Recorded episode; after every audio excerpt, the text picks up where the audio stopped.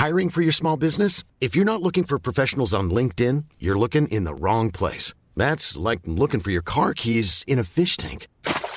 LinkedIn helps you hire professionals you can't find anywhere else, even those who aren't actively searching for a new job but might be open to the perfect role. In a given month, over 70% of LinkedIn users don't even visit other leading job sites. So start looking in the right place. With LinkedIn, you can hire professionals like a professional. Post your free job on linkedin.com slash people today.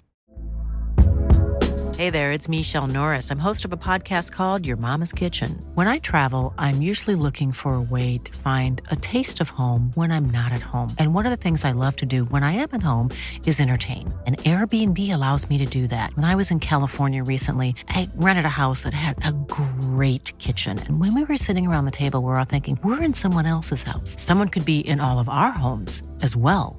If you have a home, but you're not always at home, you have an Airbnb. Your home might be worth more than you think.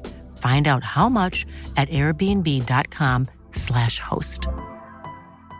Wow. Nice. Yeah. What you're hearing are the sounds of people everywhere putting on Bombas socks, underwear, and t-shirts made from absurdly soft materials that feel like plush clouds. Yeah, that plush. And the best part? For every item you purchase, Bombas donates another to someone facing homelessness. Bombas. Big comfort for everyone. Go to bombas.com slash ACAST and use code ACAST for 20% off your first purchase. That's bombas.com slash ACAST. Code ACAST. Ni får inte avslöja vårt eh, första aprilskämt imorgon då. Jag vet inte om ni har sett det. Men du har inte sett den? Nej. Vad var det då? Att eh, vi är första, konst, eh, ja, första planen med gult konstgräs. det kommer några gå på tror Det jag. tror jag faktiskt verkligen. Ja, Alltså. det är otroligt bra. Ja. Ja. Men avslöja inte det nu. Ja, men det, Nej, men det det sänds ju på söndag. Ja, just det. Då är det lugnt. Nej, jag kan twittra ut det nu. Exakt.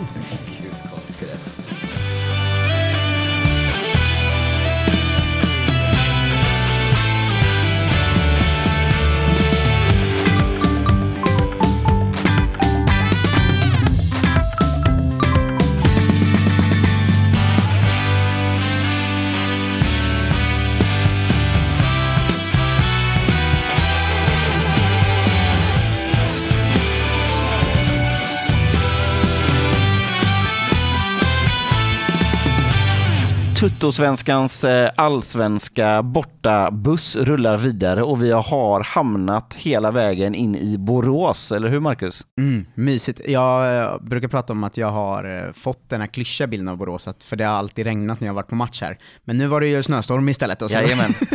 det är alltid något väderskit som gör det svårt med Borås, men vilket trevligt ställe. Trevlig personal, gott kaffe, gott häng. Ja, men och mysigt att Stefan Ishizaki glider runt i korridoren här utanför och myser, han myser runt i korridoren här utanför. Fick ju gåshud i avsnittet när James Keen kollade in i rummet. Då kände jag att eh, här ska jag vara. Nu är allt som det ska och så, och så står det någon obskyr sån här pokal från Atlantic Cup här och ser ut som något som eh, flugits in direkt från Qatar. Mm. Det ligger en boll i ett skåp där också, där det står match mellan IF Elfsborg och Sovjet 1966. Det brinner jag för.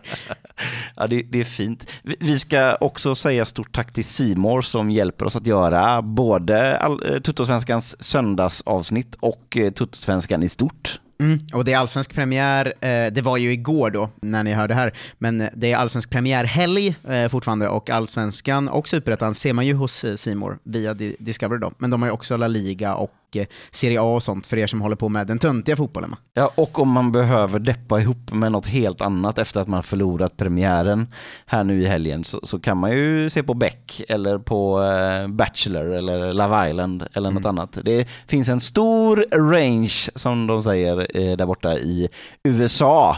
Men eh, vi ska väl ta alldeles strax och knäppa igång avsnittet med, med Stefan Andreasson väl, klubbchef i Elfsborg. Ja, verkligen. Som han snackar på om Elfsborgs identitet och sånt. Eh, det, det, det, det var det tjat om. Eh, men väldigt intressant att höra hur alla talanger lyckas och också få speltid i Europa och sånt. Men det, jag tyckte ju det var spännande att höra våra bidrag från Sissi. Ja, det blir mycket bra stories där. Han är en historieberättare av rang, eh, Stefan Andreasson. Det var allt från eh, märkliga smörgåstårtor och blod på golvet i hans lägenhet på efterfesten efter Europa-avancemanget. Ja, namnbytet är ju min favorit, men det får ni höra mer om, eh, mer om sen. Ska vi bara kicka igång avsnittet eller? För det var ju en, eh, ganska långt snack, men väldigt, väldigt härligt. Det gör vi. Nu kör vi.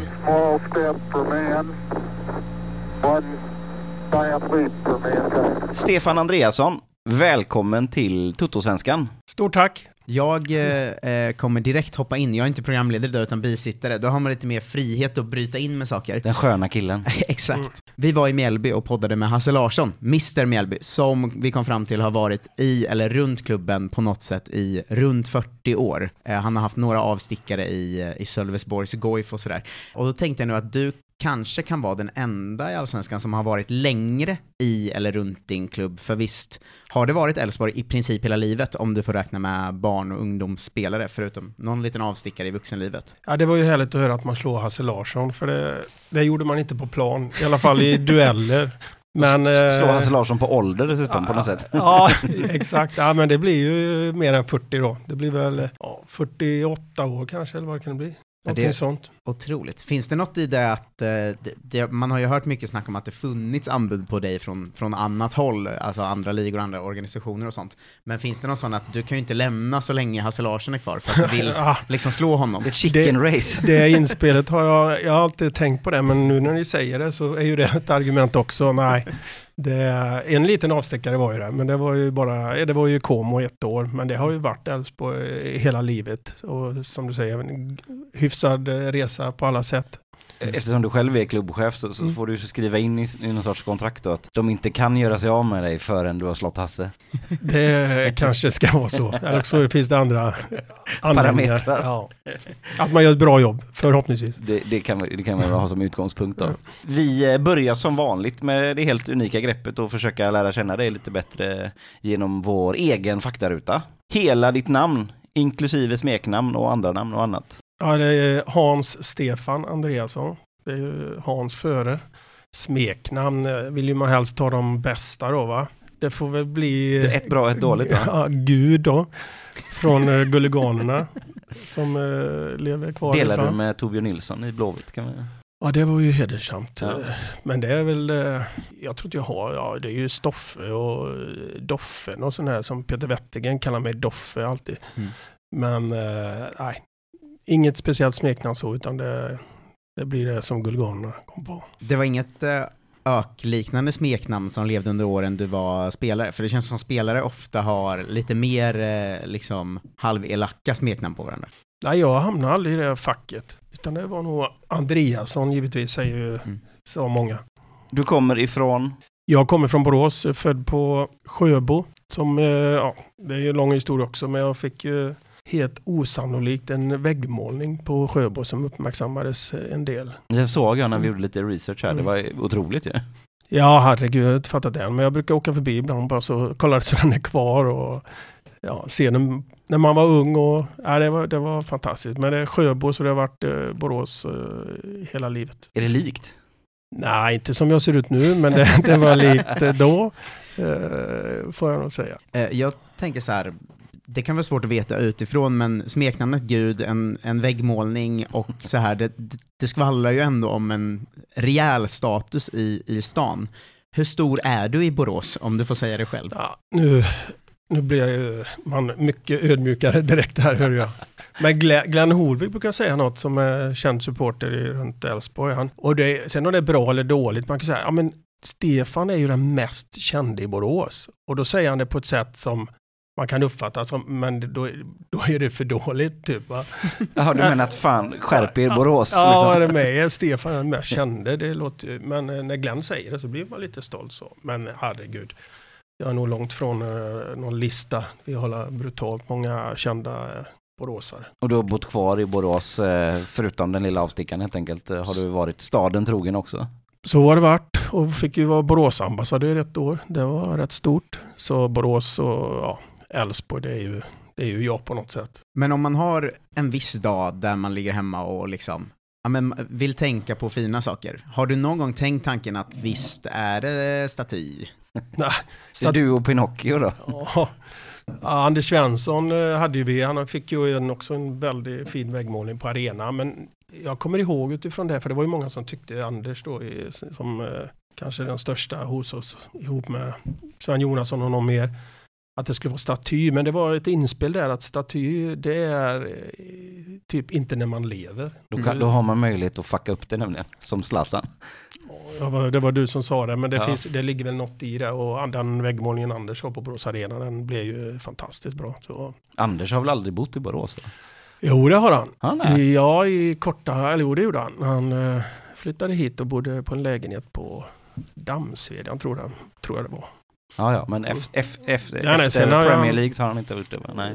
Sen har han bott i Öjersjö och runt där. Ja, ja. Men det är nära, eller närmare hit om man ja han kör, kan, kan hur ge, man nu kör. vi kan ge honom den då. Ja, ja, herregud. Ja. Eh, vilka höll du på när du var liten har jag en fråga här, men är det Elfsborg hela vägen här eller? Nu blir det jobbigt när du sitter där tänkte jag, kände jag. Men eh, nej, men jag är väl uppfödd givetvis med pappa var tränare. Så Elfsborg blev ju det direkt och jag, det var ju, jag var, satt, var ju med i klacken. Och det finns väl någon story där när Lennart Lente Persson, en känd eh, guligan va. Och från ett år så gick ju jag från läktaren till plan och Lennart fattar ju inte det utan undrar "Vad- gör Stefan där? Nej, men han, ska han spela? Ja, så jag var Jag ju... fattar inte att du kunde det också. Nej, det var inte det. Men eh, sen är det klart jag har fyllt fotbollen och med Blåvitts, eh, det var det jag tänkte komma till, framgångarna i, med Uefa-cupen och, och eh, även Champions League till viss del. Det är klart man följde det. Men ja, idolerna var väl från Liverpool typ och kolla följde det. Men Elfsborg var ändå stora laget. Ja. Thomas Ahlström och Campbell, hela lagen från sent 70 och hela 80 där som jag följde. Men om du skulle åkt med polarna på en fotbollsresa så, så skulle du åkt och kollat Liverpool typ. Ja, men det var det så. Vad har följande personer gemensamt? Finns en röd tråd om. Will Smith, Ricky Lake, Peter Gensel, Celine Dion, Cuba Gooding Jr, Tracy Lords, Henrik Schyffert, Annika Lantz, Tony Hawk, Kylie Minogue, Colin McRae, Marcel Desailly, Oliver Bierhoff, Magnus Erlingmark, Martin Dahlin och Stefan Andreasson. Åh herregud. Det finns ett svar. ja, jag, jag försökte verkligen lösa den. Det sket jag sig på Tracy jag Lords. Ja, jag förstår, ja, jag försvann någonstans på Cuba Gooding Jr och Dalin. Ja, Har man något gemensamt med honom? Ja, det har jag i och för sig kanske. Nej, den låter... Den kommer inte jag klara om jag får tänka en timme känner jag. Alla här är precis som du födda 1968. 68 Men då skulle du sagt eh, Ingesson och... Ja men då hade det blivit för lätt. Ja, Där har du tagit den tror jag. ja. Så, så, men annars en, en, en otroligt brokig eh, skala där tycker jag. Det borde jag tagit nästan. Är du Någon, nöjd? någon, någon kändes äldre och någon kändes yngre. Ja, men det, är så, det är så man måste jobba va? Ja, Är du nöjd Ja, med, med klassen eh, i 68? vi här? brukar skoja om det och, och även min kollega Henke Bergen i Djurgården. Och vi är den gyllene årgången va. ja. Men framförallt med Klas och Wettergren och de. Laga mat eller hämta mat? Hämta mat. All, jag, jag känner att det är en röd tråd här eh, det är med intervjuer. Hundraprocentigt eh, bland fotbollsfolk att hämta mat är eh, rätt svar där. Men du kan laga mat? Det kan jag men jag, jag brukar säga, de frågar mig alltid hur jag mår på jobbet och då är vi, jag säger alltid svag tvåa. Mm. För det är lite vad du lägger, och det är ändå på en femgradig. Ja. Så jag skulle nog säga på mat är också då svag tvåa. Men, men om, om du skulle bjuda Marcus här på en dejt eller en kväll eller sådär, och du verkligen behövde imponera på honom. Va, vad skulle du laga då? Ja, det blir ju gorgonzola-gryta. Är någon sån där paraträtt. Fast jag, ibland har jag glömt gorgonzola när man gör det. Du är otroligt blek. ja, det blir väldigt konstigt. Och så kan de inte med och säga typ att ja, men gorgonzola-gryta och så märker de väl till slut att du ursäkta men är det någon gorgonzola här i? Jag har, glö- jag har missat det två gånger nämligen. Va? Stefan Andreassons gorgonzola-gryta utan Ut- gorgonzola. Men Ja, det, ja. det är sanslöst svagt. Ja, ja, det är riktigt Det är dåligt. som att servera hamburgare fast det bara är bröd. Att det är ingen, ingen Ja, burgare. ja, men det är, så, det är lite annat i den. Bacon och paprika och champinjoner och sådär. Så. Ha, har, vi, har vi en kokbok på gång här, eh, Marcus? Eller? För jag, jag känner att jag skulle kunna, absolut kunna tänka mig Daniel Anderssons salsiccia-pasta också. Mm. Stefans gorgonzola utan gorgonzola. Ja. Eh, ja. Gud vilken mardrömskokbok. Den här gorgonzolan utan gorgonzola, eh, liksom Hasse Larssons spagetti och köttfärssås med bara ketchup. Eh, det, det blir Hasse, en... ja, ja, Hasse Larsson har en egen öl i och för sig. Det är ju rätt stort. Ja, det är sant i och för sig. Ja, det är nästan större än väggmålning, eh, säger han i alla fall. Vad har du i garaget? Jag har inget garage, jag bor i lägenhet. Det är också två av fyra som inte har något garage. Det förvånar mig, men Mm. det står något på gatan då som du åker hit i? Det står något, ja du tänker på en bil? Ja, precis. Ja, ja, nej men det får man inte säga kanske, men det, vi har ju en fin sponsor som hanterar det. Ja, det får man få säga det. Får man det? Ja. Mm. Men vi har, eh, jag har idag en eh, Volkswagen Arteon. Jag har Mhm. haft flera, flera sådana. Så byter man varje år, det är jättesmidigt. Har du den med lite, litet eh, bagageutrymme Ja. också? Mm. Är det ett eh, bilintresse eller är det bara nu har jag ett läge att få nice bilar? Nej, men det, vi, det ska ju köpa bilar därifrån, eller, eller leasa. Det är ju... Tjänstefel annars? Ja, det är det. Sen tvingar vi inte på, men ja, jag har väl i och för sig haft lite, tycker det är roligt med fina bilar i sig, men inte, inte lika mycket på senare år. Men det, är- det är ju superbilar, så det, och alla ser ju snart likadana ut i och för sig. Man får ju en liten fördom om att i Borås är bilintresset kanske lite större än i Göteborg.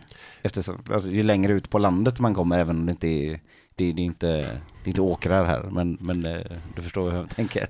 Ja, jag tror det var nog Bosse, vår före detta ordförande, som myntade det. Han, inte, han kom utifrån att Borås, det är mycket yta i Borås. Ja. Och med det menar han kanske att ja, fina bilar och kläder och lite sånt där. Det ligger nog något i det. Vilken app på luren använder du mest? Ja, Älvsborgs live-app, givetvis. Det gör du inte. Nej, det gör jag den inte. största lögnen i podden hittills. Nej, men jag har ju alla, alltså om du pratar Aftonbladet, Expressen, GP, får väl nämna Forntidsmedia som jag kallar dem. Fotbollskanalen eh, är väl där också. Men du har inte så här Twitter? eh, Nej, inga såna- sociala medier, nej. Nej. Det funkar. Är det, är det medvetet val? Ja, det går inte. I, eh, jag har fullt upp med telefon, sms och sen skap, har jag WhatsApp och det ångrar jag mig nästan. Mm. För eh, Det blippar för mycket i Det- ja, det, man, får ju, det, man får ju lite, och det, idag i samhället också, om du får ett sms och så svarar du inte på det, då skickar någon på WhatsApp, du har inte svarat på smset eller så kan du mejla, har du sett eh, WhatsAppen? Alltså det blir helt eh, sjukt. I, ja, ja, nu har väl alla likadant, men i, i min roll så det funkar inte att ha alltihop det, du hinner inte med. Välkommen till världen av att boka gäster från allsvenska klubbar kan jag säga. Det är, Ja. så, det är så man måste göra då. jo, jo, men, men ja, det är väl, jag brukar ju, ja, det, hade jag börjat om i mitt eh, yrke så hade man nog backat rätt mycket från att vara tillgänglig. Eh, Kan tänka mig det. det, för det funkar inte längre. Och, jag, och det, det känner jag ibland att man inte hinner. Ja, alla, gam, alla relationer man har skapat och sådär. Man hinner inte. Idag tror ju som det var innan kanske. Om någon ringer på dagen så kan man sitta och skoja i en halvtimme, timme. Det funkar ju inte längre. Utan nu får man ringa upp dem som missade på en helg eller när man åker bil tycker jag är bra. För då kan man ringa alla man inte har hunnit prata med på ett tag och sådär. va. Men det, det funkar inte i det dagliga arbetet idag. Och nästan till svara i telefon. Eh, Jag hade faktiskt en tanke om det, att du som varit verksam i den här typen av roller väldigt lång tid, alltså nu är du ju klubbchef, men som jag förstått det finns det vissa sportchefsdelar du fortfarande jobbar lite med och sådär. Ja, nu ska inte jag vara Eh, martyr i detta, men jag har väl en åtta tjänster i alla Ja fall. men det var exakt det jag tänkte att så men, men det har inte med, det kanske har mer med titlar att göra. Mm. För det, det, är- det är ju vilket val man gör och kalla och det kanske ska vara, ja chefer är populärt ibland och sådär men vi, vi har ju många ansvariga områden. Men Men hur, hur har det varit att vara i den typen av roller i en tid där allt har eh, förändrats så mycket med, som du säger, tillgänglighet och sånt, för det bilden man har idag är ju att en, en allsvensk sportchef är på sin telefon 24 timmar om dygnet i princip. och jag brukar fråga vad de gör nio månader om året. Ja, det, vissa, vissa specifika perioder ja. Men hur har det varit att vara med om den förändringen från, ja men in i en superdigitaliserad mobilvärld liksom? Nej, men som jag beskriver, det är klart man har ju varit med i hela förändringen i fotbollen eh, och givetvis blir det Elfsborg, men det är klart från ideell verksamhet eller till vi fick proffsfotboll var väl slutet 90 när Malmö började och sen hängde många efter så vi har ju bara haft proffsfotboll i med, lite mer än 20 år och sen organisationen. Jag var ju spelande sportchef i två år. Mm.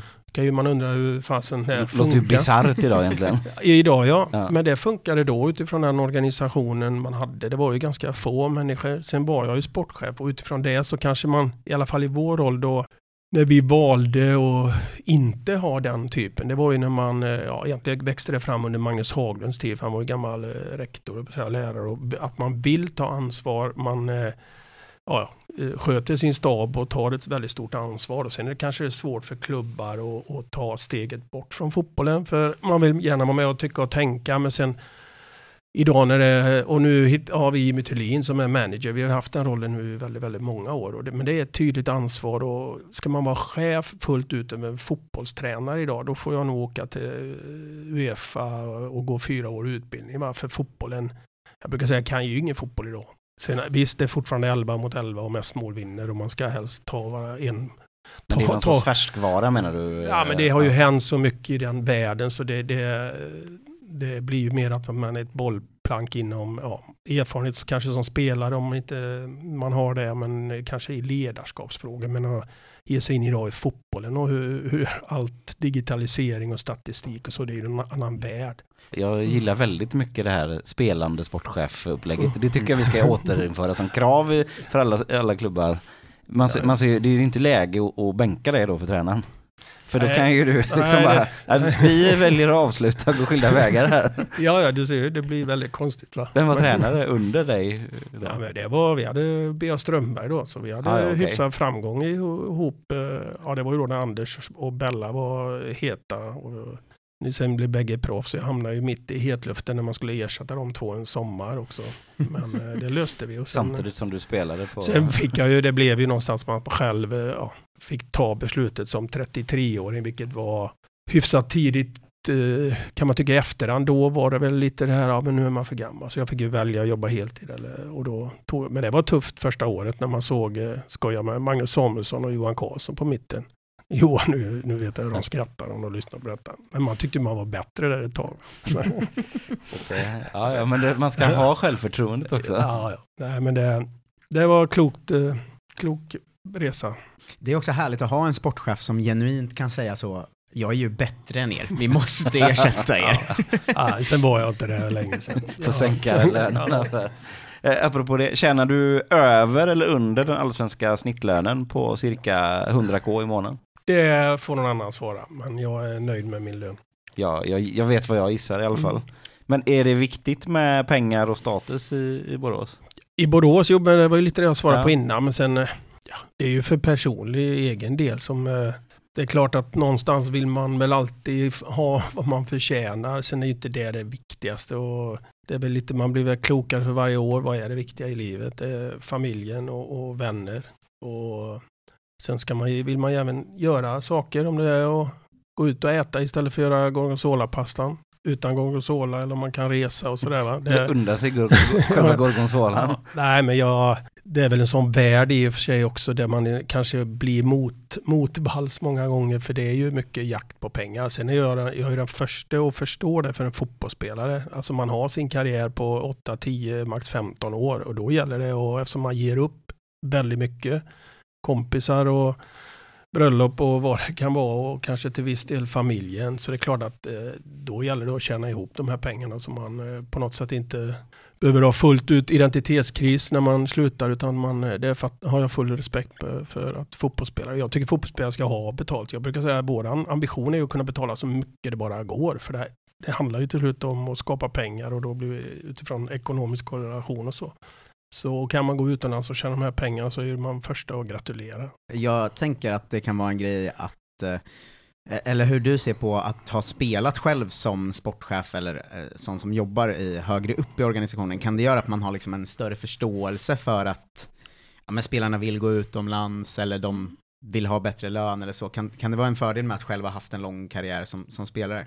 Ja, nu har ju inte jag haft den eh, brutala utlandskarriären va. Fast i och för sig jag fick chansen som lite äldre att gå iväg. Sen är det mer att man, eh, ja vi har ju jobbat på ett visst sätt och nu pratar vad är Elfsborgs identitet och så. Men det är klart att det är ju och, ja, många egna spelare, man ska upp i och alla ska göra den här resan och jag vet vi har satt och pratat med någon funderade på vem häromdagen eh, om att göra den här resan med Elfsborg. Jag kunde räkna till 32 spelare näst, ungefär som har gjort den här resan. Alltså bara fokus på Elfsborg, upp i A-laget, ta en fast plats till slut, bli bäst i din position i Sverige och sen går du utomlands till rätt klubb på rätt sätt och så får du en utlandskarriär, du får en viss ekonomi och till och med bli A-landslagsman. Det är ju den resan som man ska göra. Sen kan man få referera det om man blir för gammal eller om till slut man, man blir för dålig eller det, det, funkar inte. Men det är rätt eh, fantastiskt kan jag tycka. Vi, de som går ifrån oss har ju väldigt få som inte är redo. Det är hyfsad statistik på det kan jag säga. Och det är väl det någonstans som vi säljer in till, till våra spelare. Att man inte man ska göra den här resan. Vi har Ja, vi säljer ingen. Den första vi sålde den till nu, Oliver Sandén som var förra året.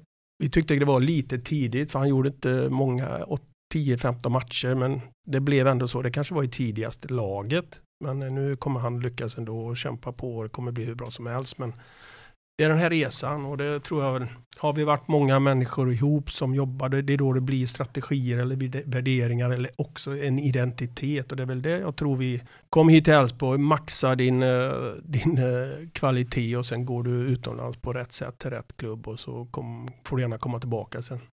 Är det ett argument ni använder mycket? För att om man tittar på era talanger så är ni ju ganska, ni är duktiga på att få fram egna, men ni är också ganska duktiga på att plocka Ondrejka eller Kassem från andra delar av Sverige. Eh, också, är det ett argument då att så här, kommer du till oss så kan du ju se här att då kommer du antagligen kunna få en karriär där du går utomlands och får spela till skillnad från den och den och den klubben där du kanske går utomlands och hamnar på en bänk om du kollar på tidigare. Det är ju ett av de stora argumenten. Sen finns det en massa andra bra argument, men det är väl som när man vill ha en spelare så får du argumentera så mycket du orkar, va? Och, och, både mot agenter och spelare. Och det, det är ju, känner väl jag är den starka, starkaste argumenten nästan. Att ni har riktigt bra referenser från spelare så att säga. Ja, nu får jag, jag räknar till 32 och jag tror 30 är lyckade. Någonstans. Det, det, det är rätt Ni hyfsat. två som lyssnar vet vilka ni är. Ja, men det, det, är också, det är också ganska mycket som du säger, unga, också coola killar som kommer, som kommer till Älvsborg och, och sen så lyckas och blir så här, Hur mycket kungar är de i Borås nattliv när de är här? Det var nog värre eller bättre på våran tid, men idag, jag brukar referera till, ja, det är klart som fotbollen har förändrats, det, det är idag då är det nästan snarare risken att man får inte bli som en robot. Det måste ju vara lite roligt också idag, men att vara fotbollsspelare idag det är ju träna, äta, sova. Och det, ibland kan man ju längta att man fick den möjligheten själv. Mm. Om man hade varit 15-16 och ge sig in i det idag så vet man inte var man hade, var man hade hamnat. Men det var ju en annan värld och tycker jag sista tio åren kanske det har varit fullständigt professionellt. Allt och... efter Ludde Augustinsson, då har du ballat tur typ? När vi var, hade, var klara med han, eller? Nej men han, han, var, han var ju den första Ludvig Augustinsson som, som började med de här, som de här orangea kompressionsbyxorna och mm. som eh, åt bara en speciell gröt hela tiden och, och sådär. Efter det så har spelarna blivit lite mer så. Mm. Ja, jag, vi hade, ja, nu vet jag, jag träffade Ludde i samband med landskampen och vi skojade lite för han var i princip klar för Elfsborg. Mm. men det blev inte så och då skrattade vi lite att det kanske var lika bra. Men, eh, men han var, det, var, han var, det var professionalism. Men, det, men sa du då att eh, hade du varit, blivit klar för Elfsborg så hade du ju spelat i klubblaget nu? I, Till Augustinsson Jaha, nej det, den hade jag inte som inspel. Men jag var glad för hans karriär. Men som svar på din identitet, mm. många egna spelare. Och det brukar vara någon, jag tror nu vi var, var det 13 i världen och femma i Europa utifrån speltid på egenfostrade. Vi har varit 67 procent av egna spelare i 2014-2015, vilket jag tror var nästan topp i Europa. Men det är vår identitet. Sen om det är 30 eller 50, det, men det är jätteviktigt. Men sen har vi också det här att vi ska vara med på den, de största talangerna i Sverige. Det är också mm. viktigt och det finns exempel på ja, Hult och Claesson och Jesper Karlsson och Drejka och Ahmed och kanske andra också, Boman till viss del nu och så. Och sen är ju det skandinaviska marknaden som vi känner oss hemma på. Och sen kanske vi också har skjutit lite utanför eller tittat på andra möjligheter. Vi har ju ja, några spelare från Afrika som inte vi har jobbat med innan. Men det gör vi när vi känner oss trygga och kan hantera det. För det, det är inte bara att funka på plan utan det är ju en ganska stor apparat runt omkring. Men vi, vi har breddat oss men kärnan är ju fortfarande egna spelare. Hur mycket krig är det om de spelarna? Alltså Det- en sån som Ahmed som jag vet till exempel var, det var ju flera klubbar som var där och, Mm. och högg liksom. Hur mycket, hur mycket krig kan det vara om en 16-17-åring som är, som är eh, så lovande liksom? Jag brukar säga att det är mycket svårare, eller mer krig, hur du nu uttrycker det, att värma 16, de här 16-åringarna. För vi, vi, vi har ju en ren breddverksamhet upp till 15 som vi är väldigt stolta över och snart går det i bräschen fortfarande för det. För det, vi har inget elittänk och man kan, det här med att gradera barn och så, det håller inte vi på med i alla fall. Eh, men vi de bästa i Borås när de är 15 och sen är ju den här jakten när man börjar fotbollsgymnasiet och där tar vi in, man in 3, 4, 5 stycken i varje årskull. Där är ju den stora kanske jakten, utmaningen. Där ska man ha de bästa, inget snack. Ja, eller bäst, ja. eller bäst nu är det många som- potential kanske. snarare. Ja, och sen i och för sig där du, de du beskriver där när man slår igenom. Jesper Karlsson brukar vi skoja, det var ju, då slogs vi med United och Barcelona, även om inte han kanske erkänner det, men jag brukar säga det i alla fall. Men du, slår ju, du slåss ju inte, ja men du slår ju med, slåss ju med Nordstjärnan och Bröndby och Köpenhamn och de här då.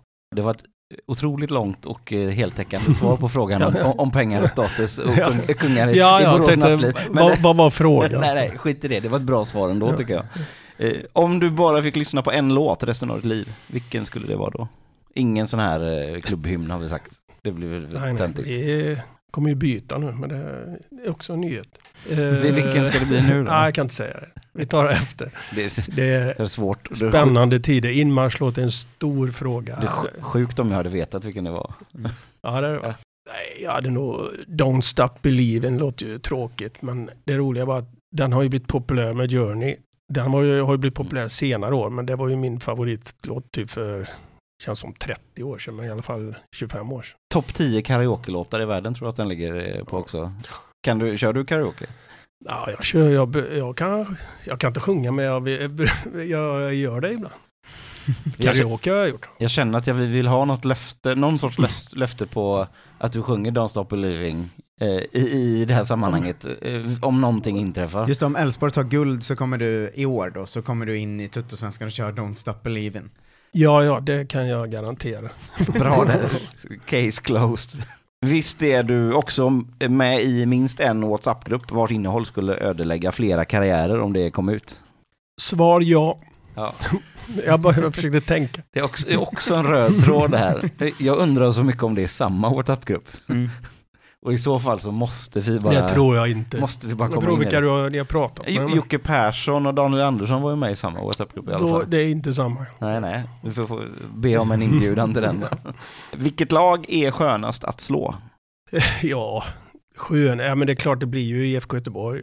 Det, För det, ja men jag, återigen, eh, storhetstid och vi har varit, ja, försökt utmana och så kan man fundera var vi är idag eller senaste 20 åren, men det är ju något speciellt och Blåvitt har triggat oss för våra framgångar och utan att veta, de har ju andra derbyn kanske de kallas som större och så här, men för oss har det varit grejen och, och jaga dem och varje derby där är ju, är ju våran match på något sätt. Ja, men jag som Blåvitt-supporter då, jag upplevde nog kanske ännu mer i början, eh, ett par år på nacken liksom, att då fanns det ju mer av ett rent brinnande hat från Elfsborg-supportrar till Blåvitt-supportrar. Det är ju kanske inte riktigt så än, fortfarande. Det kan väl ha med, med framgångar och inte framgångar att göra och sådär, men var det så också? Kanske inte att du, du hatade Hat- Blåvitt, men... hat, men inget- inget, det är ett starkt ord. ja. Mild är en av mina bästa vänner. Så jag har jättestor respekt för han. Men varför blir det så, alltså är det så enkelt som att den lite mindre staden utanför Ja. den större staden, att man känner sig att, inte pissad på kanske, men, men man hamnar i skuggan eller man, man blir lite nedtryckt eller är det, är, det är så enkelt så att säga? Jo men det är klart att det, det är ju vårat derby och det är så nära och, och vi har försökt komma i fatt och då så kan man ha, finns det säkert statistik att vi har kommit ikapp. Men det, det är ju, det är ju, det är ju det är hymla med sena, liksom. framförallt senaste åren, 17 åren utifrån hur många medaljer i och för sig. Mm. Det är en bra Ja, statistik. men, så här, Men det är ju Blåvitt man, som- men, ja.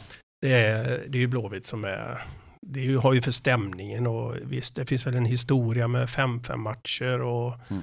häftiga avgörande här och alltid kryss ibland ett tag och sen har vi vunnit mycket sista två åren och sådär men det, är- det är ju Blåvitt som är grejen.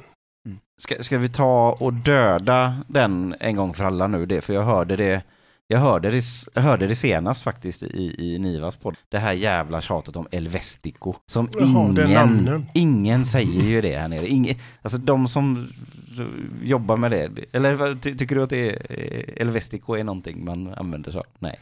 Inte om du frågar mig. Nej. Sen vet jag inte vem som kom på det och hur, vad man använder det. Det var väl kul som ordvits en det. gång kanske. Ja. Marcus här bara, ja, han kommer, han kommer jobba Elvestico hela, hela året. Ja, jag har ju liksom aldrig sagt det förrän du börjar säga att man inte ska säga det. Nu känner jag mig alltid sugen på att branda, branda det så. Ja, ja. Om du måste välja ett annat lag som vinner allsvenskan i år, vilka blir det i så fall? Jag, tippar, jag tippar alltid Elfsborg och tror alltid på det. Men eh, när jag svarar på den frågan så blir ju det Malmö. Men du får välja alltså. Det är inte, det är inte, att, det är inte att, vad du tippar, utan du Nej. får bestämma vilka som vinner. Ja, det är ju Elfsborg givetvis. Ja, men ett annat lag. Ett annat lag. Ja, men då är det Malmö.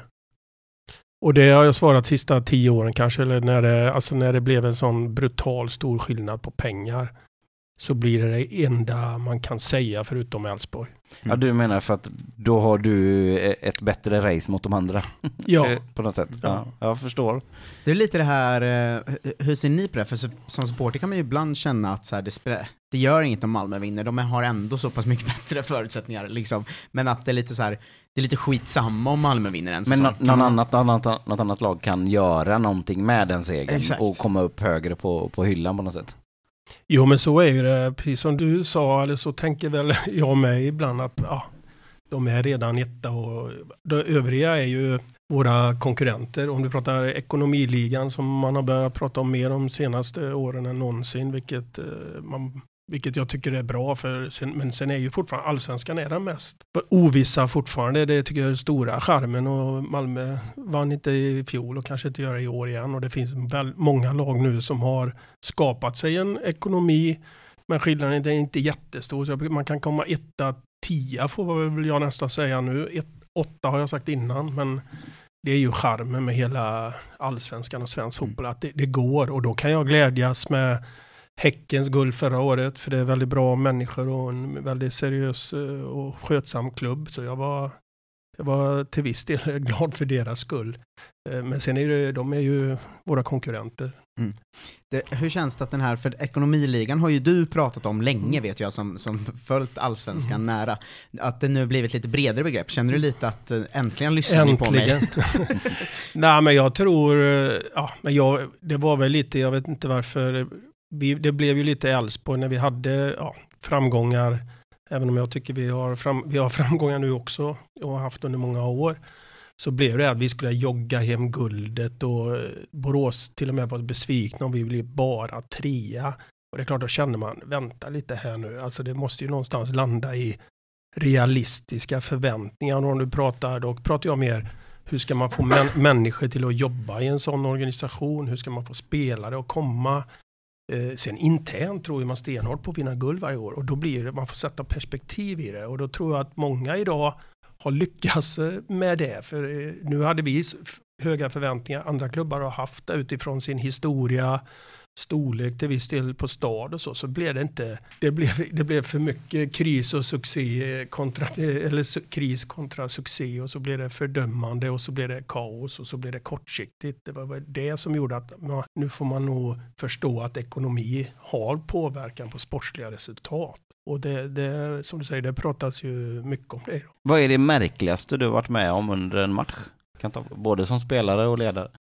Det märkligaste? Ja, det mä- vad ska det vara? Ja, det, är, det är väl i Como när de tände eld på vår buss då i Livorno. Men det var precis efter matchen, det var inte under match. Ja men det räknar, berätta, berätta. Vad roligt, när du funderar länge tänkte jag att så här, det, det, Han har kommer, det här inget- kommer inte landa i något bra, men så bara släpper du att de tände eld på en buss. Så det här måste du berätta mer om. Livorno-supportrarna då? Ja, de var ju hetlevrade, eh, minst sagt. Så det, det, var någon, det var någon grej. Vi fick sitta kvar i omklädningsrummet i många timmar efter matchen innan vi kunde ge oss iväg och Ja, ja, få en ny buss. Ni satt inte i den i alla fall? Nej, nej, nej för fan. Jag såg det framför mig. Nej, nej det, var, det kunde ha gått illa. Det, där Ja. I Italien så, när det väl eh, går åt helvete så att säga, då går det riktigt åt helvete där. Men jag tror det märkligaste, men det här blir sorgligt och nu var ju det i, i, i en podd här om vår säsong 2014. Men det som hände nere i Rio Ave. Och ni kan ju titta på YouTube om ni vill.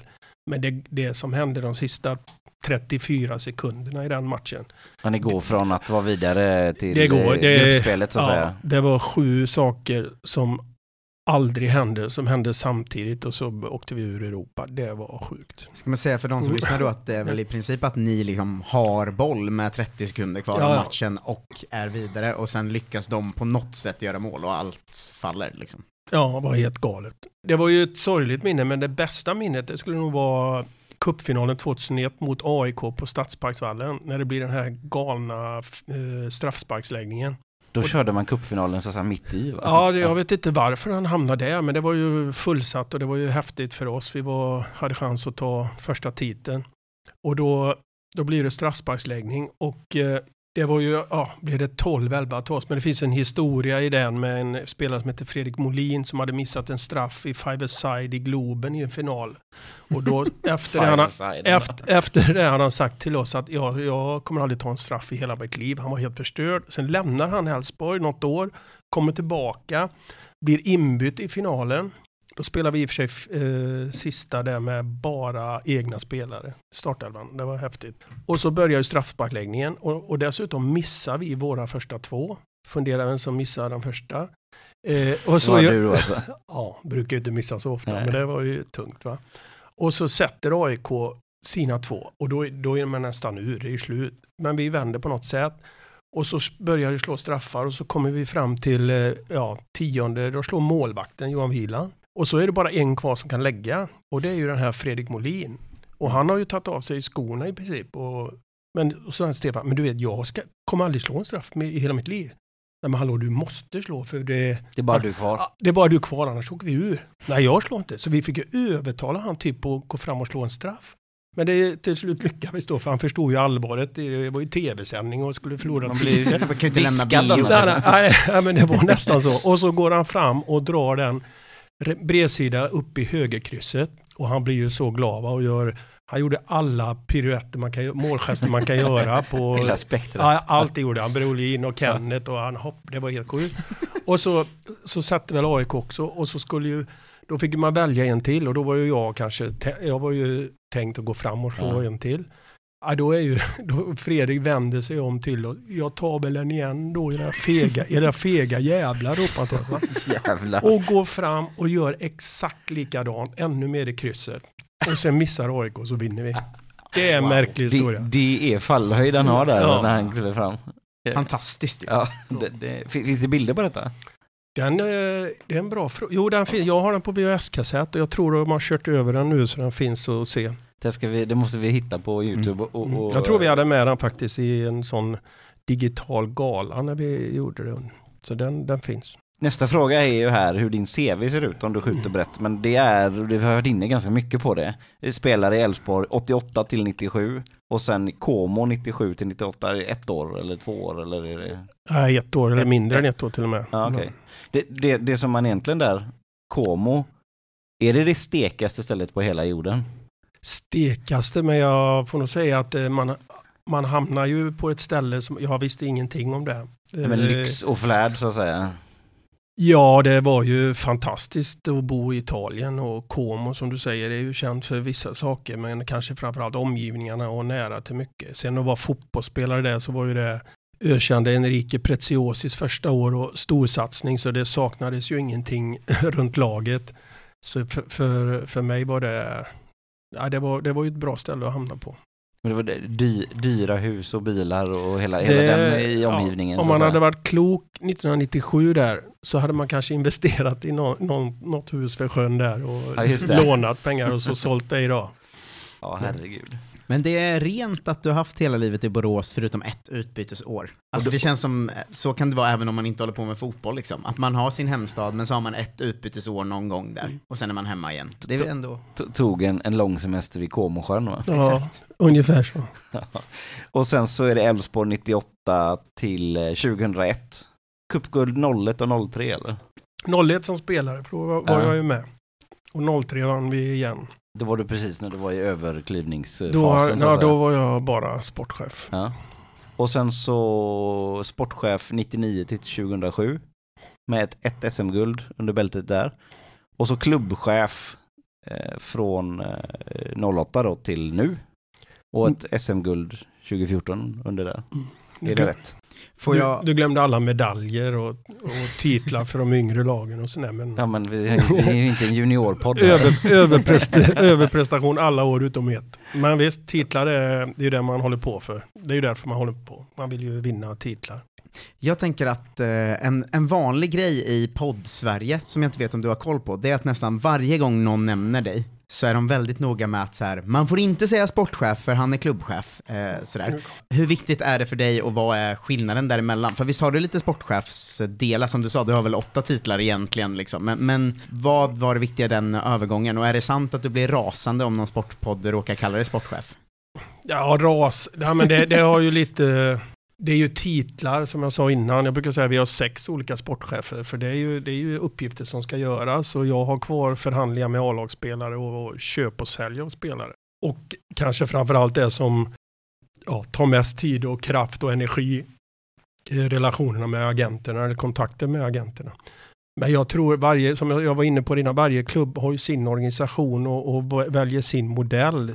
Och jag tror det, det handlar mer ja, att man har ansvar. Men det är klart att det är en stor skillnad att vara klubbchef idag fullt ut. Med an, då, folk tror ju man jobbar med fotboll bara. Men Jag vet, det kanske är 10 procent av mitt jobb. Det är, ju, det, har ju, det är ju rätt mycket runt en allsvensk förening. Så jag, jag pratar väl mer där utifrån förstå olika roller. Jag har sagt några gånger att jag Ja, för, ja, skydda kollegor eller försvara kollegor, alltså vilket tryck det är idag att vara ansvarig i en förening. Eh, och det kan, behöver inte bara vara i klubbchef utan i alla våra roller och till och med vara tränare och så. Det, är, det går inte att förstå utifrån vad, vad man gör på en dag om man inte jobbar i det. Därför kan jag bara prata med kollegor egentligen om mitt jobb.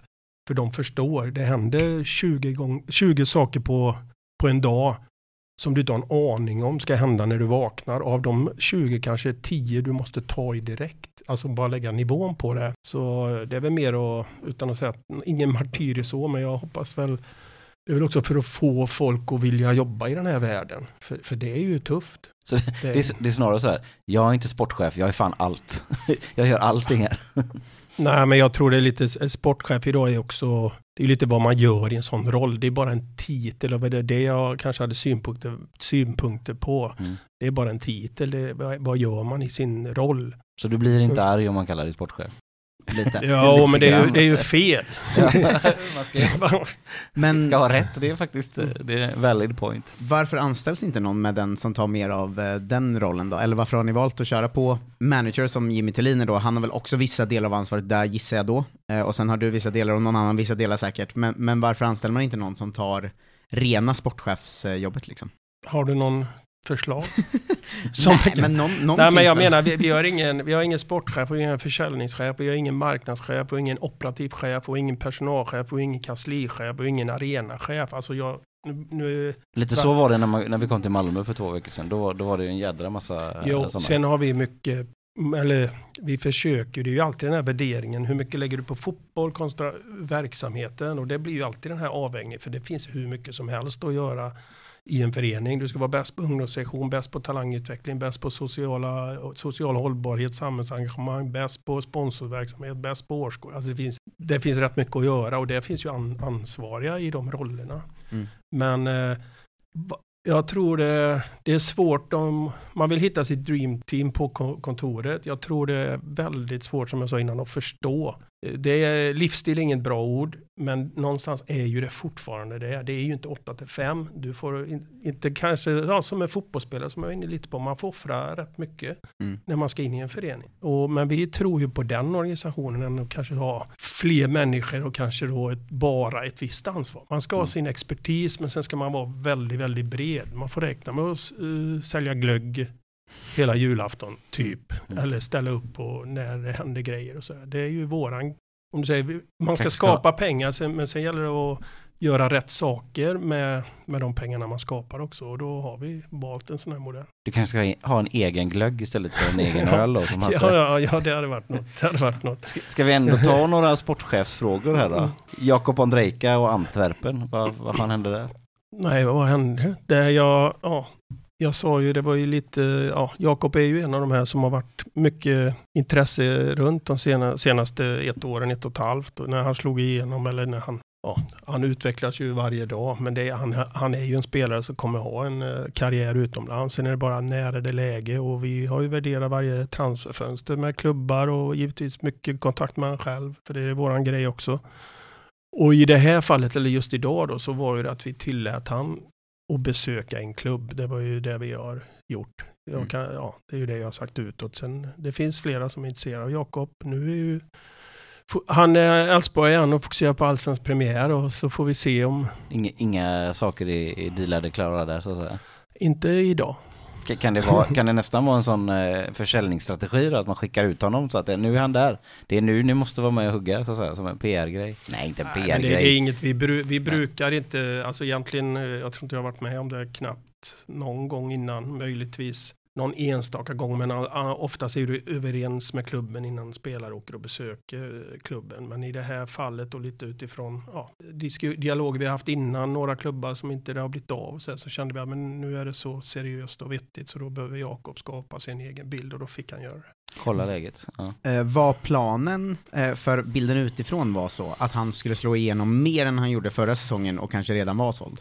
Planen är ju alltid, det var jag sa, när är var redo. Viktor Claesson var, eller var redo. Han kände själv att han var redo när han var 25. Och någon, eh, Hiljemark och Seneli var redo när de var 20. Eller det dök upp. Det är ju, man vet ju aldrig. När är man redo? Det har väl lite vilka alternativ som kommer och lite hur känslan är här. Är det ett år till att utvecklas och blir den som jag sa, bästa i allsvenskan på sin position och så löser sig allt. Så, så det finns ju inget facit på det. Jakob har säkert varit redo för vissa ligor, vissa marknader under längre tid och sen är det väl lite hur, vi vill, man vill ju helst sälja till Premier League va? Mm. Eller topp fem, man vill ju att topp fem-ligor ska Bäst sitta, sitta betalt, här helt ute och så helst förhand, förhandla med en klubb som omsätter 6 miljarder hade Mm. varit eh, bra va? Men där är vi inte riktigt där, men det tror jag och hoppas att vi kan komma genom att, det har jag varit inne, prata mer gott om allsvenskan. Eh, skoja lite, ta ut fler allsvenska spelare i landslaget. Skoja med Wettergren och Janne ibland. Men det, är- det, det är inte det, viktigaste Skoja kanske. med Janne ska man nog inte göra eh, här just nu. Ja, det tror jag. Du eh, nämner Hiljemark där, han klev ju upp på tränarpositionen här nu. Är, han, är det han som tar över efter Thelin en gång i tiden sen eller? En gång i framtiden? Ja, Oskar är ju precis som han var som spelare. Han är ju minst sagt dedikerad och professionell om vi var inne på det innan. Så härligt att se att han kör tränarjobbet på samma sätt nu. Och jag tror han sa till mig en gång, jag ska träna Champions League-lag. Och det är ju den ambitionen man ska ha. Så det är roligt att följa han. Han lär ju vara på din radar i alla fall. Oskar har jag kontakt med, men det är med att han det är en gammal Älvsborgare och så. Sen kommer inte, sen Jimmy Thulin är väl också som våra spelare. Jimmy vet ni att vi håller enormt högt och vad han har gjort och vad han gör i Elfsborg.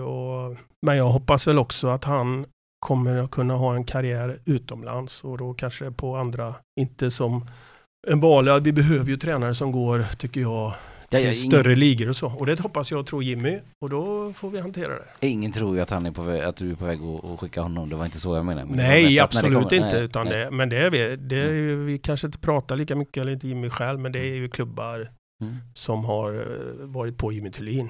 Varenda, inte varenda vecka, men vid olika perioder. Vilka klubbar då? då? Det kan vara bra klubbar också. Men vi, som sagt, vi har gett oss in i någonting och sen det är väl som alltid vilka alternativ kommer eh, för, för Jimmy eller för spelare och så pratar vi om det. Men nu är jag fullt fokuserad på Elfsborg och köra resan ett tag till. Marcus Rodén då? När, när kommer han? eh, I sommar eller? Det har vi hoppas. Marcus är också en, en hemvändare som vi hoppas, men det, jag brukar säga, det, han är ju för bra. hemvändare, ibland skojar jag också väl. Hemvändare ska ju helst ska vara...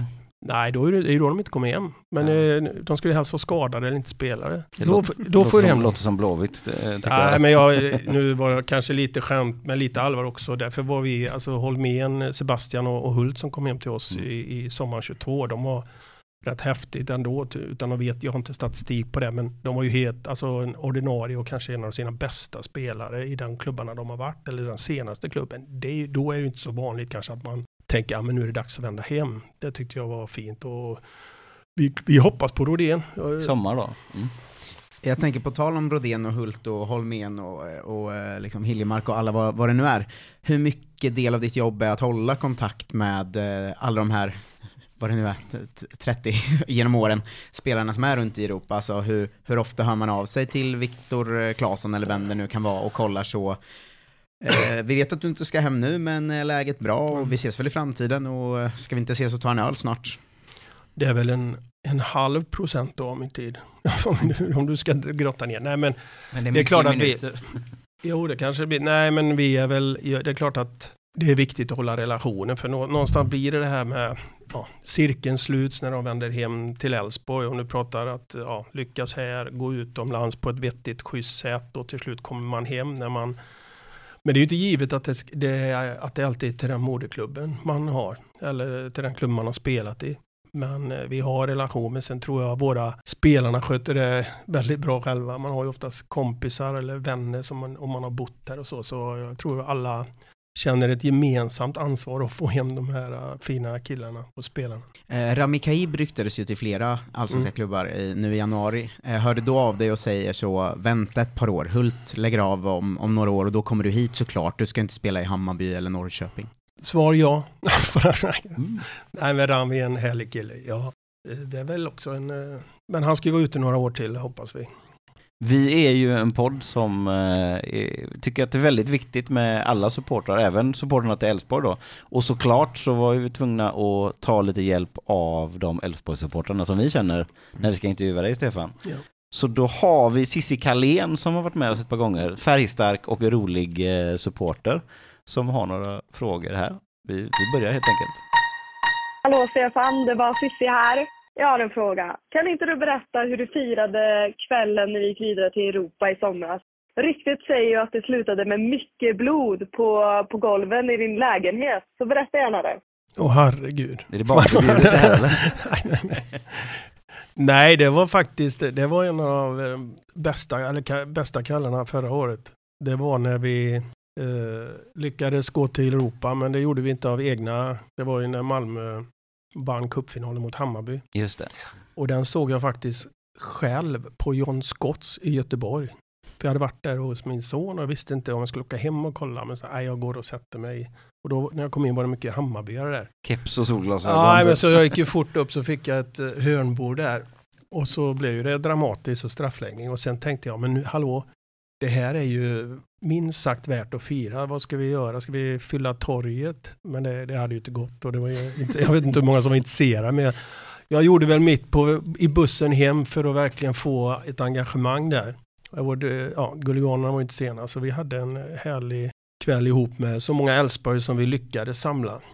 Och det slutade ju med lite efterfest i min lägenhet. Och blod, men det, ja, det var ju inga, inga, Var det våldsam, det var inga våldsamheter, det var en liten sk- skär. Inget kalas utan kras eller vad säger man? Nej, men det var, det var helt okej, det var det värt. Jag tror att våra lyssnare, oavsett klubbtillhörighet, älskar bilden av att en klubbchef bjuder hem till lägenheten på efterfest för att man går till Europa. Det är så, Ja, så, nu, är, så nu, är det, ju. nu är det officiellt detta också. Cissi. Ja. Men det, det tar vi utan problem. Ja, Cissi är avstängd nu från läktaren. nej, nej, Alltså, nej, aldrig. Bernhard från Stadsgränsen. Ja, men vi har mera grejer, men nu, nu är det nog inte du som hamnar i skottgluggen här tror jag. Hallå Stefan, kan du dra den här med länte och smörgåstårtan en gång för alla så att alla får reda på den här tårtan? Först och främst, vem är Lente?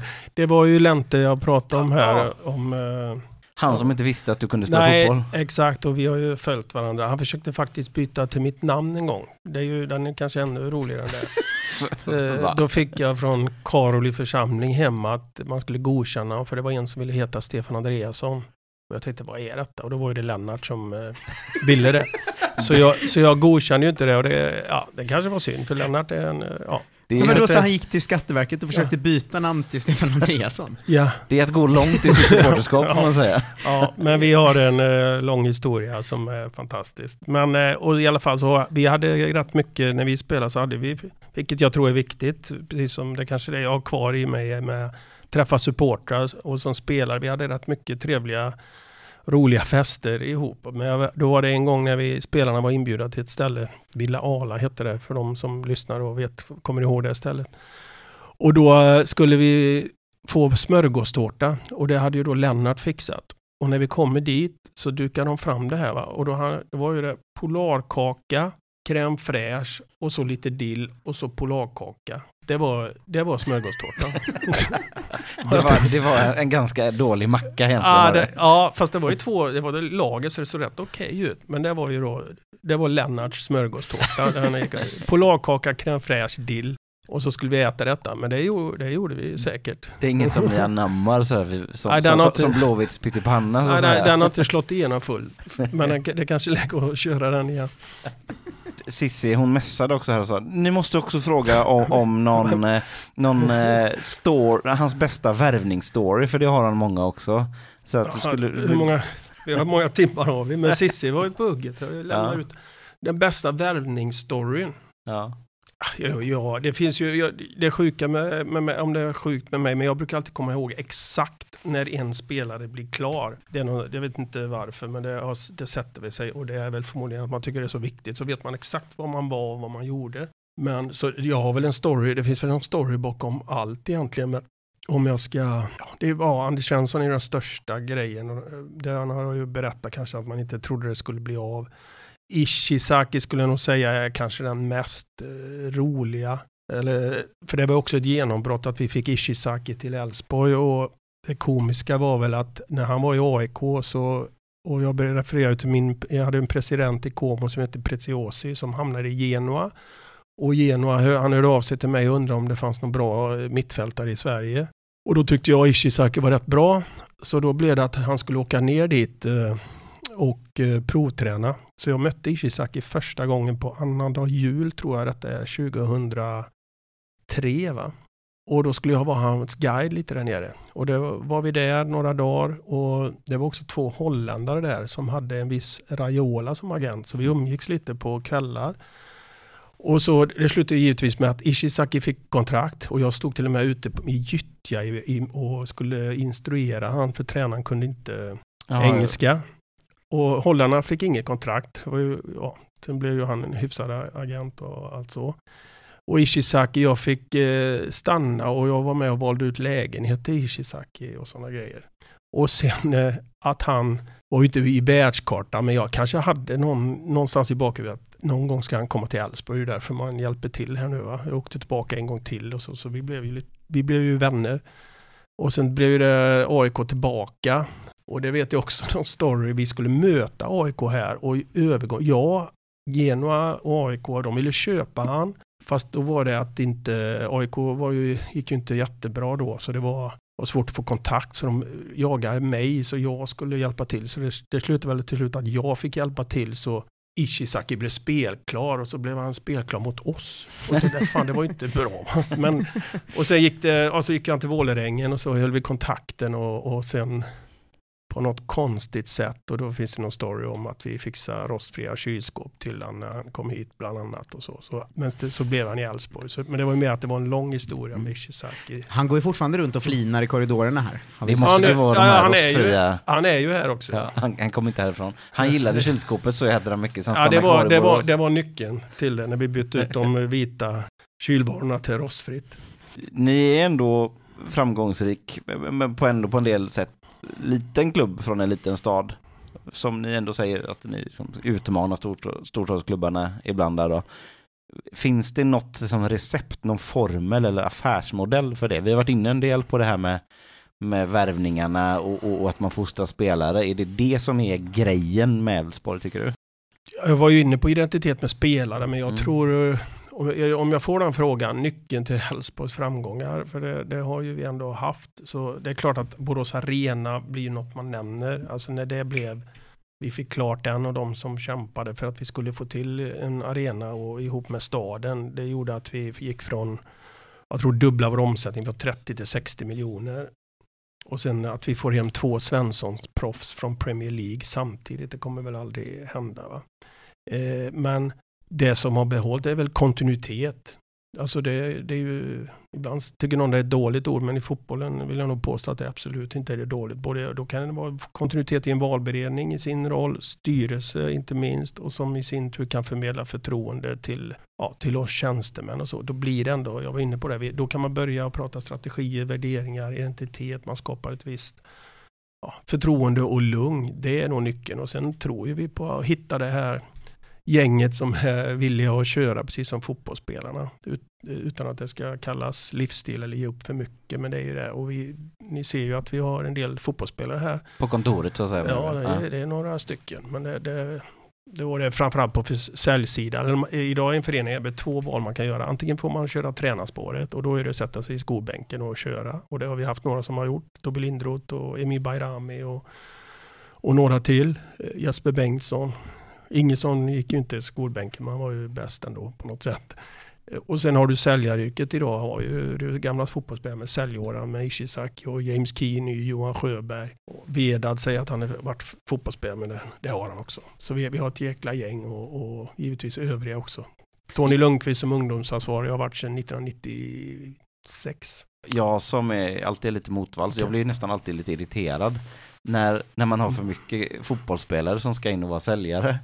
Vad är det som säger att de är bra på det? De är helt överlägsna. Är det så? Helt, helt överlägsna. För att eh, folk blir glada när de ringer? Åh, oh, det är Ishizaki. Nej, men jag säger det. Nej, men alla kan ju inte bli det. Alltså, Nej. det är ju lite, du behöver ju ha säljådran i dig. Men sen är det, du öppnar dörrar på ett helt annat sätt. Mm. Och, och, vi säljer ju inte, det finns ju inget, vi säljer ju inget, det finns inget värde på det vi säljer. Det kan vara noll. Bra citat. Ja, men det, det kan vara noll, noll ja. kronor, hundra. Det finns mm. ju inget konkret. Ja, den, eller att du måste, att du behöver det. Vi säljer, vad någon sa, lyx, lyxvaror till Alltså det, det, är, det är en konst det där och jag har varit med många år och, och givetvis vi har testat och sådär. Men det, det, och det är ju lite ex Bayern München Ajax där vi kör. Om du pratar om gamla fotbollsspelare som ska vara i klubben. Sen vi har ju Camilla har ju varit där sedan 99 och är ju en institution som ja, ekonomichef fast gör ju hundra andra grejer. Jag tänker en följdfråga där vi börjar här med, med storstadsklubb och att utmana dem och sådär. Eh, som, som jag ändå vill hinna få med. Nu, det blir ju så länge vi sitter för vi har så trevligt, men jag vill, ja. vill hinna få med den frågan. Eh, som är att ni hade ju en riktigt, riktigt bra period nyligen. Eh, alltså då var väl nio raka Europa kval, vilket ju egentligen känns, det, det är ju galet bra liksom. Eh, och sen kom ju tre år där när ni halkade ner lite, kom åtta, tolva, åtta va, om jag inte minns fel. Eh, och sen nu har det varit lite så här upp och ner mellan, ja men plats tre till sju där någonstans. Nej, två till sex. Två till sex, ja nästan rätt då. Ja. Eh, men de här sista åren har det också hänt något med storstadslagen, att det har blivit mycket pengar in i Malmö, Hammarby säljer spelare för 120 miljoner eller vad det var förra året, att eh, det liksom har kommit in så mycket pengar och man snackar om den här skiktningen liksom. Kommer Elfsborg kunna hänga på den skiktningen och faktiskt fortsätta kunna komma tillbaka till att vara topp tre varje år, eller, eller tror du att det blir svårt i och med den apparaten som kanske Stockholmsklubben och Malmö framförallt har blivit de senaste åren? Nej, men vi, vi, har ju inte, eller, vi har inte gett upp på något sätt. Det finns, eh, men det är klart, vi, be, vi, vi behöver det vi kan göra. Helst hade man hittat något tre, tredje benen, vad man kallar det, ex Gotia Cup eller något liknande som är fantastiskt i sig. Men om man, och det, det blir ju svårare och svårare att hitta det med affärsverksamheter och sådär, utan det är ju öka publiken, öka sponsorer. Och sen i SEF-tabellen kan man klättra där det finns rätt mycket pengar att göra och sen är det sälja spelare. Det går vi tror stenhårt på att klyftan som är nu ska inte öka utan vi, helst ska vi kunna äta upp den lite. Och då är det att vara, jobba hårdare, vara smartare om det går och så kan man vinna. För det är Sverige fortfarande. Det är ändå återigen 11 mot 11 eller gruppkänsla och ja, väldigt bra ledarskap och tryck i det och i framkant. Det går. Och Sverige är ovissa. Jag tror att det kommer vara ovisst i många år framöver. Eh, så det, vi har inte gett upp på några sätt. Sen om du säger komma femma eller komma topp tre i fem år i rad. Ja, men det är väl lite så. Någon gång, någon gång slår det något år. Är man bara med hela tiden. Någon gång får du in allting eller en viss generation eller vad som kommer. Eller Jesper Karlsson som sätter alla bollar. Jo, när han kommer tillbaka då kanske. Mm. Nej, men det, det, det, det, nej, det är ju det vi drivs ja. Du drivs ju av det varenda minut, varenda dag. Att, och alla gör det på kontor. Vi, ska, vi, vi, vi utmanar och då får man jobba hårdare och vara klokare. Men en rak fråga i det du är inne på nu då. Mm. Eh, hur ska man få tillbaka publiken då? För det är ju ett, eh, det är ju inte bara ni som har haft problem med det.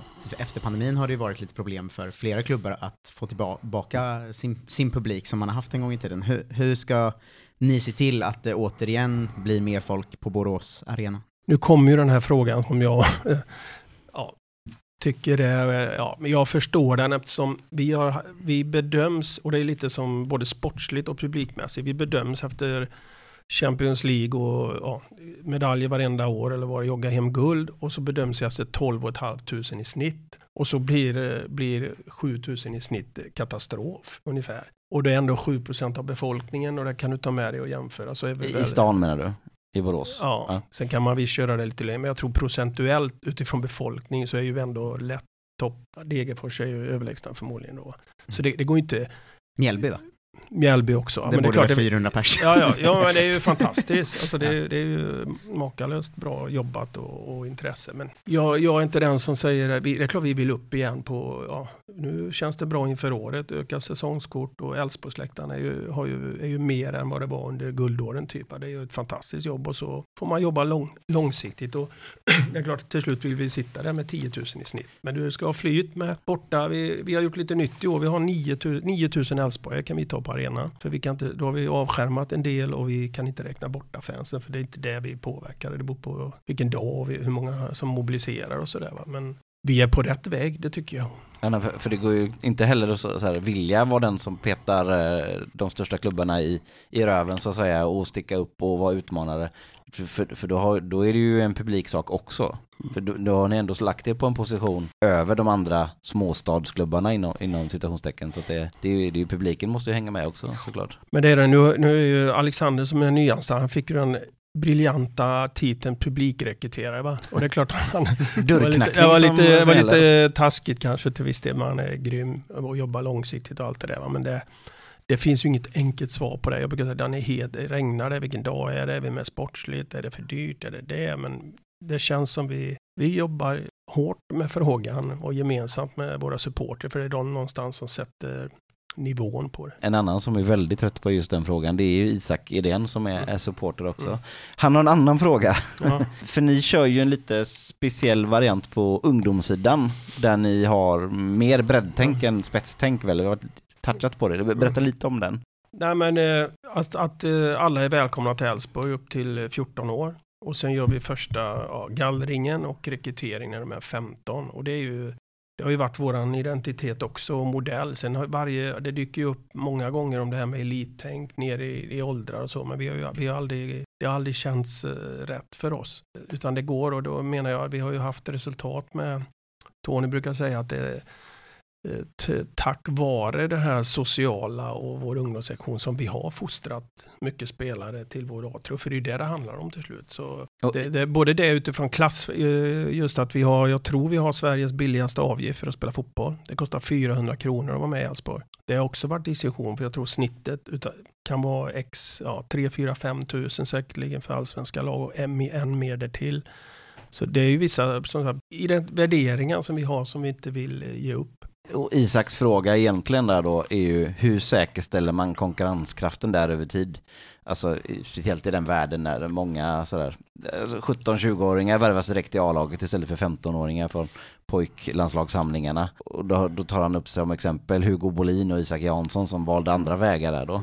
Ja, man kan ju inte ha, ta alla spelare. Och det blir också sån här, du får ett rekord. Och så, det sa vi någon gång att frågan är om vi har missat någon spelare som har lyckats någon annanstans. Det tycker jag är också ganska att vi är hyfsat bra på att bedöma vilka som blir bra och inte. För det, har vi, det brukar ju alltid finnas rätt många exempel på spelare som, tar, som vi ratar och så går man en annan väg och så blir man till och med landslagsspelare. Men sen är det väl just med dem. Jag har varit med när du möter spelare och föräldrar och agenter till viss del. Va? Du, du kan inte tvinga spelare till en klubb utan du argumenterar och så tycker jag i alla de mötena man har när man väl känner du känner i magen, hjärtat, är det här, är det här en Elfsborgare eller ställer han upp på våra värderingar och identitet? Och då, det då brukar det kännas direkt. Du vill inte ha någon som inte vill vara här på något sätt? Nej, ungefär så. Vi har aldrig varit där med de yngre. Det är ju ofta så här man Mm. ska besöka sju klubbar för att skaffa sin uppfattning. Det brukar vi inte ställa upp på. En klubb som BP, de gör ju lite tvärtom. Och de får ju massor av cred för sin ungdomsverksamhet. Är det fel väg att gå tycker du? Som de... Nej, men jag, jag, jag kan inte kritisera andra. Jag brukar inte göra, eller kan inte göra det och vill inte göra det och har ingen anledning att göra det. Alla, som jag sa, alla hittar ju sin grej för att jobba i den här eh, speciella världen. Både med organisation och, och vilken identitet man har, vilken väg man väljer. För till slut, det är konkurrens och det är till slut man blir bedömd efter att vinna och då, då väljer man sin väg. Så det är stor respekt för allas väg man har valt eller idéer.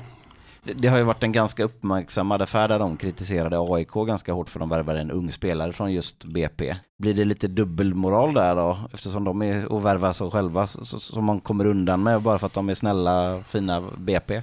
Ja, men, ja, de hade, jag, var inte, jag var inte så insatt i det, men att de hade något samverkansavtal mellan elitklubbarna där va? Ja men precis. Ja, men det, det är ju kanske lite av en trend ändå att man går lä lägre lägre i åldrarna och värvar så att säga. Jo men det är väl eh, sån här hets. Ibland känns det skönt att kanske inte vara mitt i storstads eh, ja, eller möjligheten hur du ser på det. För det blir, det blir ju hets och till slut ska du, måste du gå ner och ta de bästa 15 åringarna. Till slut är du 14 och till slut är du på 12 och till slut och du vet hur föräldrar och agenter jagar Mm. på och sådär. Så det, det är ju inte lätt att hantera de här frågorna.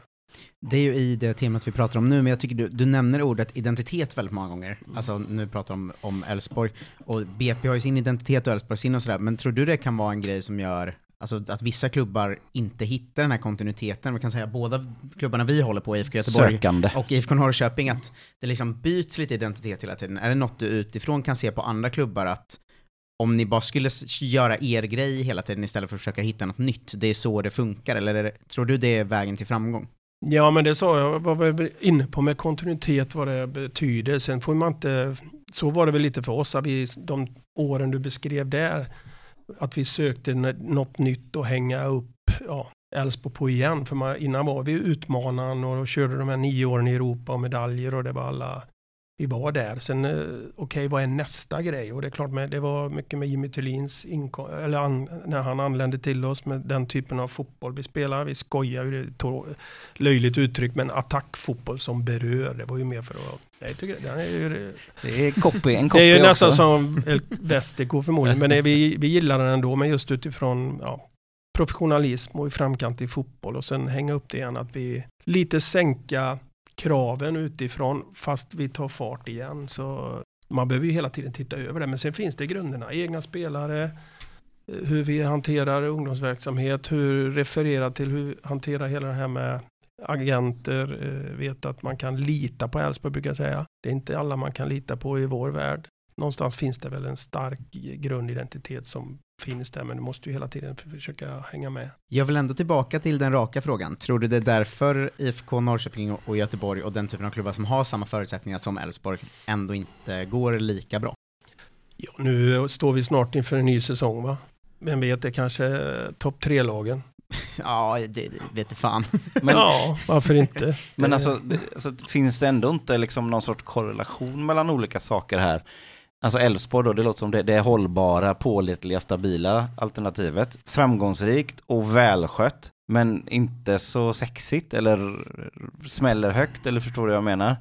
Lag som Blåvitt och AIK kämpar ju i andra änden av spektrat med långsiktigheten. Eftersom man har supportrar och det är sånt otroligt tryck och det är pang vad det smäller och jävla vad snyggt det är när det är snyggt. Men i andra änden av hissen så, så är det avgå, försvinn, allt är skit, skjut sig själv i huvudet så att säga. Och man får kasta ut en liksom lite teori då liksom. Kan det inte vara så att ni är lite för duktiga och präktiga inom citationstecken? Fan jag tycker inte att du är en präktig människa men du, du förstår vad jag menar. Lite som ordföranden i elevrådet som sitter Ja. längst fram i klassrummet, räcker upp handen och har alla rätt på proven. Men han har inte samma framgång på dansgolvet på diskot. Alltså superduktiga på allt man ska göra men ingen riktig X-faktor. Är du med på vart jag vill komma i det så att säga? Jo, det är jag med, men jag, jag håller inte med dig över- överhuvudtaget. Vi är helt galna eh, emellanåt i, vid rätt tillfällen och forum och hur vi tänker och hur Ja. vi jobbar. Det, det, jag tror inte du, det, får prata med de spelarna så här. Sen, ni beskriver ju någon miljö som om det är läktaren eller som du säger historia och sånt. Så alla är har ju- allt runt klubben egentligen. Ja. Men eh, jag tror eh, vi har en mix av att det är ju skönt att du säger stabil och, och trygg och lita på, för det är ju starka ord om man ska jobba med både spelare och företag och, och en stad. Men sen eh, är ju vi innovativa och eh, halvgalna eme- emellanåt också, försöka göra grejer. Men det är ju också lättare att vara långsiktig och jobba, jobba på även om det går emot när det inte är lika många som bryr sig så att säga. Det, det, det, förstår jag menar, det, det är olika ben och, och det, man, man måste hitta den balansen då. Jo, men det, det tror jag, det brukar många säga och kanske, jag vet inte om ni har fått en dos av det, att riksmedia eller vissa poddar och så pratar man inte så mycket om Elfsborg och så är att det är ett tryck då, men då brukar jag säga, vänta lite här. Frågan är om inte vi har ett större tryck, för vi har en, en hel, ja, om vi har en lokaltidning och nu har vi eh, Eh, GP som är, är, är här ofta också.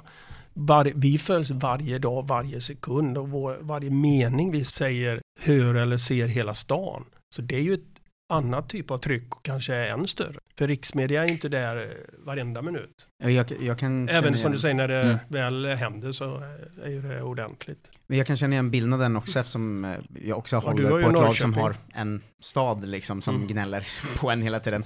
Men det jag tänker på är att det har ändå varit en del ja, men avgå banderoller och sånt på läktarna. En. Men, nej, men det ja, har, en del. Ja, men det En. har jag väl, jag har hört det i poddar och sånt också. Men, men eh, jag tycker att ni är ganska bra på att slå dövörat till liksom där. Eh, för visst bryr ni er inte så mycket om folk skriker avgå Jimmy Tillin en gång. Eh, sådär. Det känner jag att andra klubbar är mycket, bryr sig mycket mer om vad supporterna vrålar om. Är ni duktiga på att, jag vet inte, strunta i det?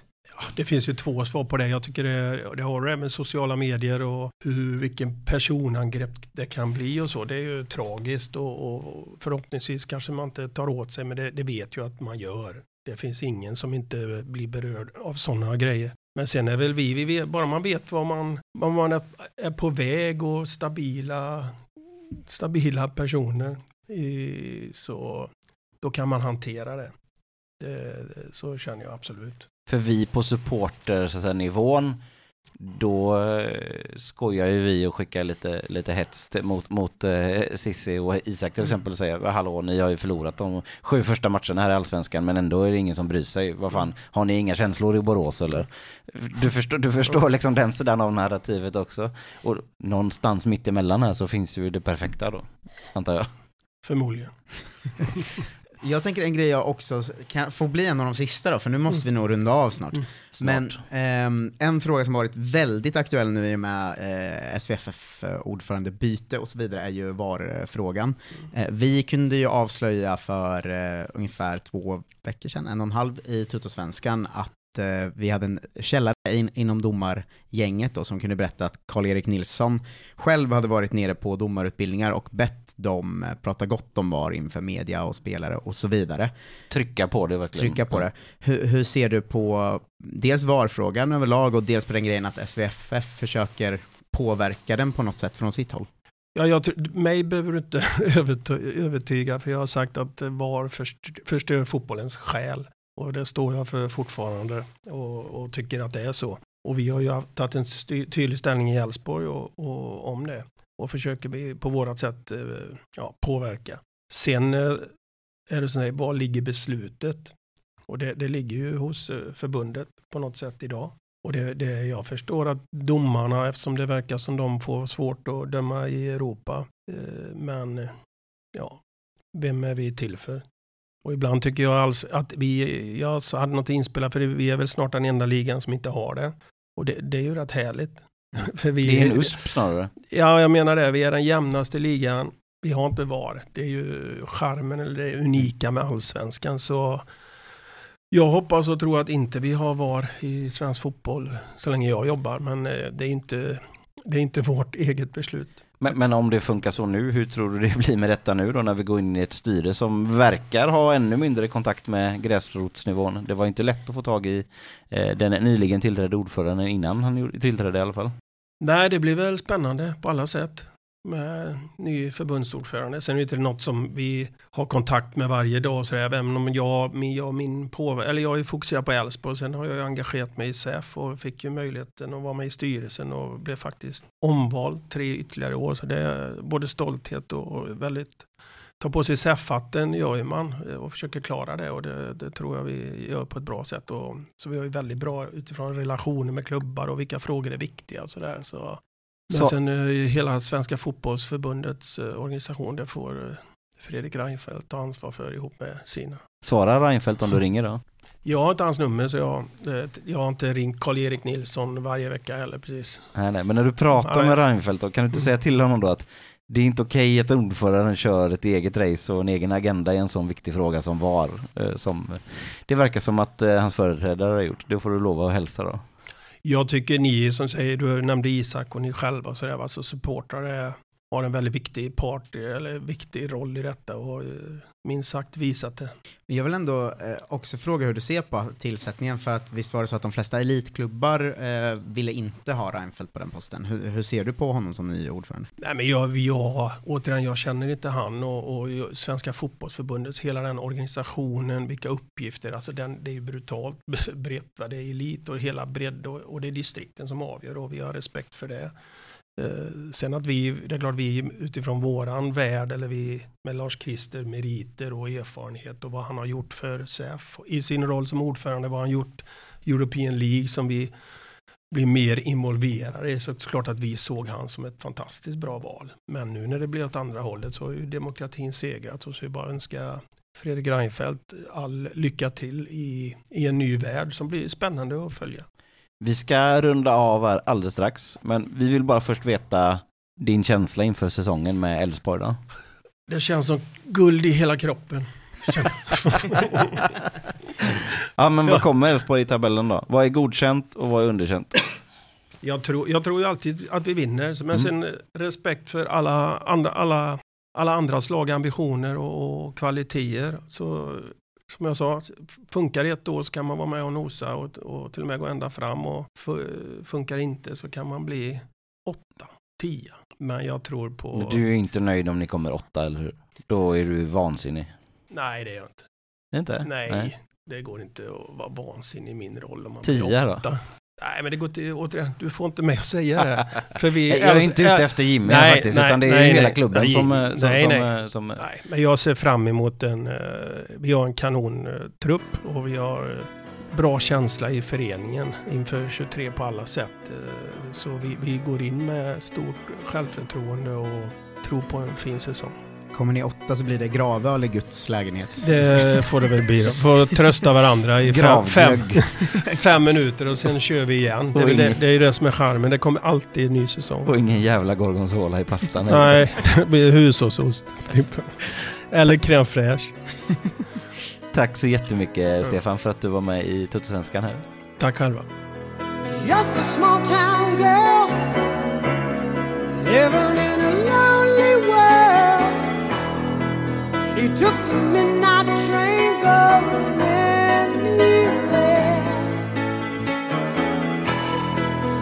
Just a city boy, born and raised in South Detroit. He took the midnight train going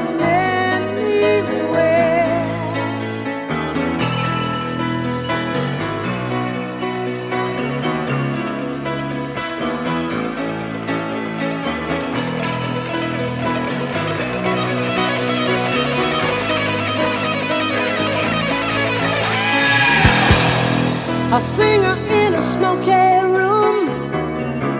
The smell of wine and cheap perfume.